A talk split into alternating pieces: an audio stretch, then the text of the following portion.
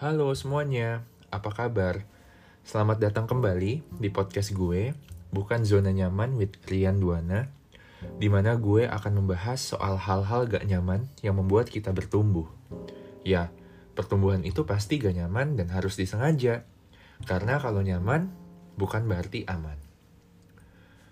Beberapa minggu lalu, gue terima message dari temen gue yang bertanya tentang point of view gue tentang hustle culture. Ya, emang topik ini pro kontra sih. Karena ada yang bilang hustle culture itu bagus biar kita bisa cepet dapet financial freedom. Tapi ada yang bilang kita jadi gak punya work-life balance. Nah, sebelum gue ngomongin soal hustle culture, gue mau share dulu nih apa yang gue baca mengenai hustle culture dari salah satu artikel di Google di goodhousekeeping.com. Dia bilang begini, hustle culture is a lifestyle where career has become such a priority in your life or the environment that you work in that other aspects of being human, such as hobbies, family time, and self-care often take a backseat. To be honest, gue relate banget sama ini karena mungkin dulu gue pernah ada di fase ini nih, di awal-awal karir gue. Bahkan sampai ngorbanin kesehatan gue waktu itu. Jadi pernah sekali, gue tuh lagi sakit asam lambung. Ya biasalah, ini penyakit anak agency ya. Karena gue memulai karir gue di creative agency. Dan waktu itu, lagi waktunya tuh award submission. Dan minggu itu lagi deadline banget. Karena ya ada beberapa pekerjaan gue juga mesti disubmit ke klien dan juga award ini juga submissionnya saat itu juga hari itu dan ya itu jadi stressful banget buat gue waktu itu. Nah gue inget banget gue masuk kantor ngerjain semua pekerjaannya dengan kondisi lagi asam lambungnya naik dan pulang kantornya telat. Sekitar ya jam 8an gue mesti nyetir sendiri dari kantor gue ke daerah rumah gue di tengah jalan tangan gue udah gemeteran tuh karena ya asam lambungnya juga naik kan. Sampai gue mesti berhenti sebentar di pinggir jalan nenangin diri minum. Dan juga karena gue udah gak kuat pulang ke rumah akhirnya gue nyetir ke UGD sendiri untuk diinfus. Biar ya asam lambungnya turun lah. Waktu itu gue sempat mikir kayak buset nyari duit gini amat ya. Susah amat sih mesti sampai sakit-sakit gini. Ya untungnya waktu itu kita berhasil menang ya awardnya. Kalau enggak ya mungkin udah nangis darah kali gue udah sampai nyetir dari kantor. Sendiri lagi asam lambung ke UGD gak menang. Wah kecewa banget sih waktu itu kalau misalnya gak menang ya.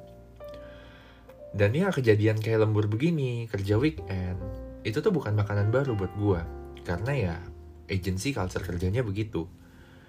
Tapi ya buat teman-teman yang pengen masuk kreatif agency juga nggak apa-apa karena gue belajar banyak banget di ketika gue lagi bekerja di agency dan gue yakin juga kalau yang pengen masuk bisa belajar hal yang banyak juga ya gue juga pernah ngerasain a need to hustle makanya di sini gue gak mau ngebahas sih apakah hustle culture tuh bener apa enggak karena balik lagi ke masing-masing orang. Ada yang ngerasa perlu ngegas segas-gasnya, tapi ada juga yang maunya work-life balance. Masing-masing pasti ada plus minusnya lah. Tapi mungkin yang mau gue tanya di sini adalah mungkin bukan pertanyaan benar atau salah. Mungkin itu bukan pertanyaan yang tepat. Tapi le lebih ke arah why do we need to hustle? Gue pernah denger satu talks yang bilang direction is greater than speed. Percuma kita lari kencang sekencang-kencangnya, tapi kita gak tahu arah lari kita tuh tujuannya ke mana. Karena ujung-ujungnya percuma. Semuanya ya jadinya gak keukur, gak terarah. Makanya menurut gue lebih penting untuk kita tuh punya goal. Apa sih yang pengen kita achieve? Dan kalau kata orang-orang goal itu tuh harus smart ya SMART itu kan uh, kependekan dari spesifik, measurable, achievable, re relevant, and then ada time frame-nya. Jadi ya balik lagi sebenarnya tergantung goal kita. Misal nih, kita mau bikin usaha, tapi kita belum punya modal. ya tentuin aja kita mau kerja 3 tahun atau lima tahun atau 10 tahun baru resign bikin usaha atau gimana karena jangka waktu itu akan menentukan seberapa cepat speed kita dan menurut gua semakin cepat speed kita pasti akan banyak hal yang akan kita korbanin misalnya nih waktu main sama teman-teman traveling beli barang misalnya ya you name it lah gitu. Jadinya ya balik lagi tergantung goal kita dan seberapa cepat kita mau mencapai itu. Tapi ya juga jangan lupa kita juga mesti punya margin nih atau ruang sisa biar ada space just in case kalau misalnya goal kita tuh gak kepenuhan jadi waktu awal karir gue gue inget banget apa sih goal gue karena ya waktu itu gue ditanya sama bos gue pas awal masuk ke kantor baru gitu. Ditanya emangnya kamu lima tahun lagi mau jadi apa? Dan ya gue jawab secara umum ya saya mau jadi strategic planning director lah dalam waktu lima tahun. Dan ya udah karena gue punya time frame lima tahun ya gue hasil banget waktu itu untuk mencapai goal gue ya kerja keras lah lembur lah inilah itulah you name it gitu. dan ya ujung-ujungnya cuma 80% kayaknya goal gue yang tercapai ada 20% yang gak tercapai kayak mungkin dari segi finansial dan beberapa aspek lainnya. Tapi ya setidaknya gue udah mencapai 80% itu. Nah, penting banget nih kita buat punya margin itu yang 20% tadi gue ceritain kenapa. Biar kita tuh gak ngerasa kecewa. Biar kita juga bisa tahu, oh kalau misalnya ada hal-hal yang terjadi di luar kontrol kita, ya kita masih punya spare waktunya lah untuk kita tuh bisa uh, planning untuk our next move. Itu tapi tapi menurut gue gue berharap ada satu hal yang gue tahu lebih awal. Jadi gue tahu ada satu wisdom yang gue tahunya agak telat nih dan ya gue berharap ya gue tahunya lebih awal sih di awal-awal karir gue jadinya ini gue dapet dari salah satu pastor di gereja gue dan ini cukup nampar gue. Wisdomnya apa? Jangan kejar apa yang bisa datang sendiri. Don't chase what you can attract. Jadi penting banget nih buat kita punya goal. Tapi jangan sampai kita mengejar hal-hal yang salah. Kadang gue juga berasa kita jadiin hal-hal yang otomatis datang sendiri ke dalam hidup kita sebagai goal kita. Contohnya apa? Jabatan, uang, harta, rumah, mobil, cuan, ya you name it, semuanya. Tapi kita lupain hal-hal esensial yang lebih penting. Yang sebenarnya kalau kita kerjain, semuanya itu datang sendiri ke kita. Semuanya akan datang otomatis.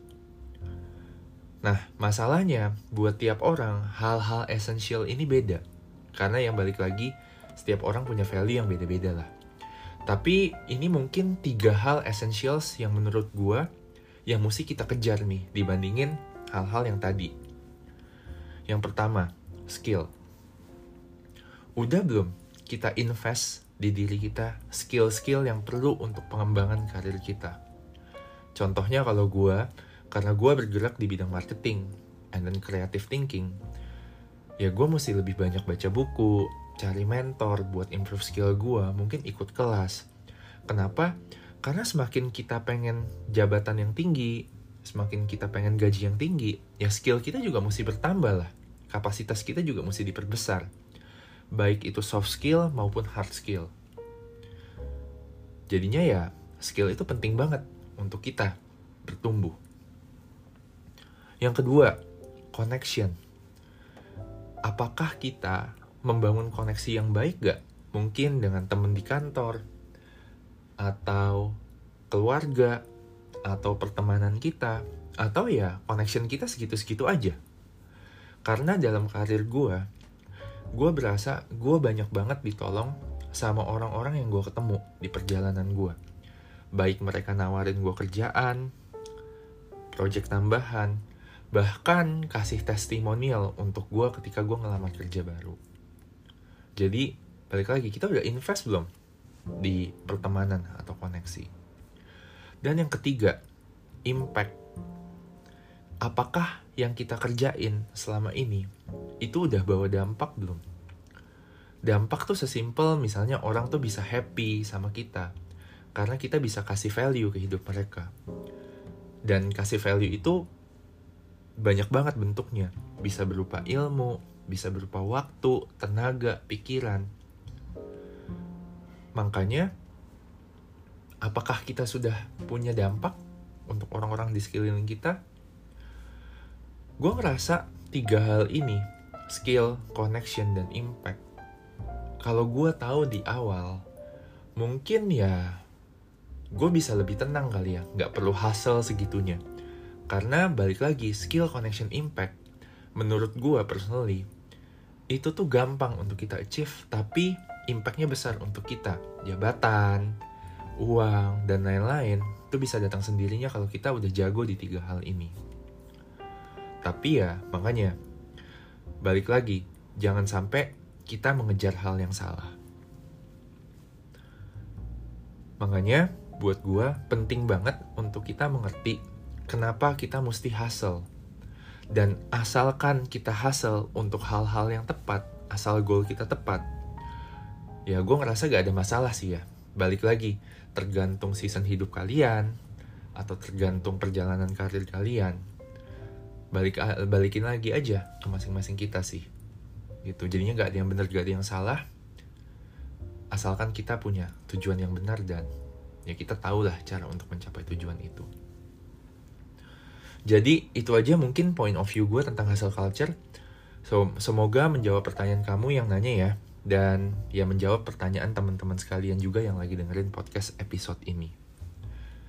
Jadi gitu aja, thank you banget udah dengerin. Kalau yang mau ngobrol atau terhubung, silahkan add uh, Instagram, Twitter, LinkedIn, atau Facebook gue, semua ID-nya sama Rian Duana. Dan gue juga lagi suka banget nih nge-tweet. Jadinya kalau misalnya pengen yang terkoneksi di Twitter juga, kita bisa ngobrol lebih banyak. Dan juga jangan lupa untuk klik tombol follow. Jadinya kalau misalnya nanti gue keluar podcast episode baru, teman-teman juga bisa ternotifikasi. Itu aja dari gue di episode ini. Thank you for listening. Bye-bye.